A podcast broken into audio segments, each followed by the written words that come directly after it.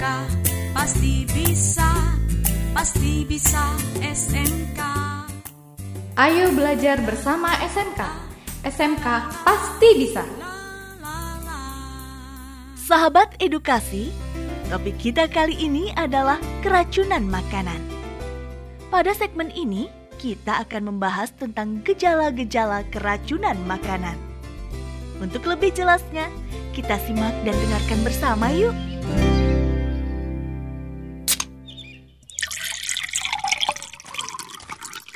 Iya.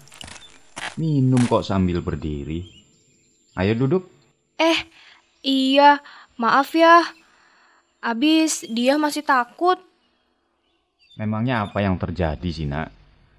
Tadi di restoran ada tamu yang keracunan ya. Tamu itu datang sendiri. Beruntung ada yang melihat. Jadi langsung dibawa ke rumah sakit deh. Wah, syukurlah. Semoga dapat terselamatkan ya. Memang bisa sampai meninggal ya ya? Bisa saja bila tidak lekas ditangani. Ih, serem ah.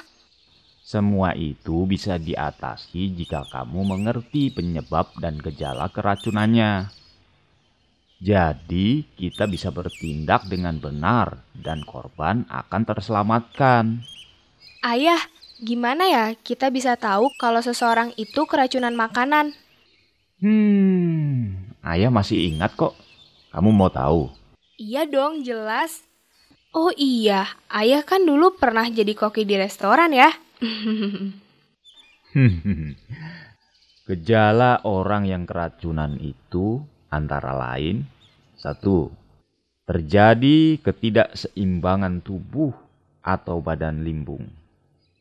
Dua, kepala pusing dan pening. Tiga, muntah-muntah. Keempat, buang air besar dengan frekuensi sering. Lima, muka menjadi pucat. Enam, terasa mulas di perut. Tujuh, kejang perut. Delapan, demam dan menggigil kedinginan. Wah, berarti benar kata ayah. Tadi aku lihat si tamu yang keracunan makanan itu wajahnya pucat, muntah-muntah, perutnya kejang, demam, dan menggigil kedinginan. Aku pikir tadi orang itu kesurupan ya. Kamu ini kebanyakan nonton film horor sih. Berarti benar kan orang tadi keracunan makanan? Ayah.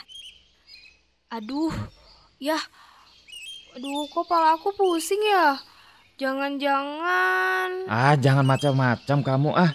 Kamu itu pusing karena lapar. Sudah sana makan. Jangan lupa cuci tangan yang bersih, ya.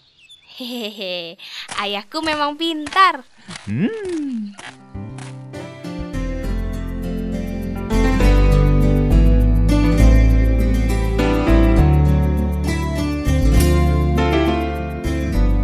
Sahabat edukasi, sekarang kita tahu bagaimana gejala-gejala orang yang keracunan makanan.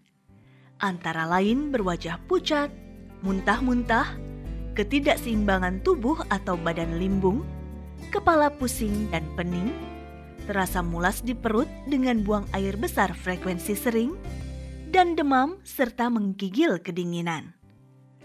Dengan mengetahui gejala ini, secepatnya bawa korban ke pusat kesehatan terdekat. Nah, sahabat edukasi, demikian tadi bahasan kita tentang gejala-gejala keracunan makanan. Jaga selalu kesehatan ya. Dan jangan lupa, health depends what you eat.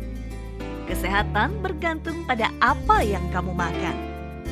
Selamat belajar dan salam edukasi. SMK pasti bisa, pasti bisa SMK. Ayo belajar bersama SMK. SMK pasti bisa.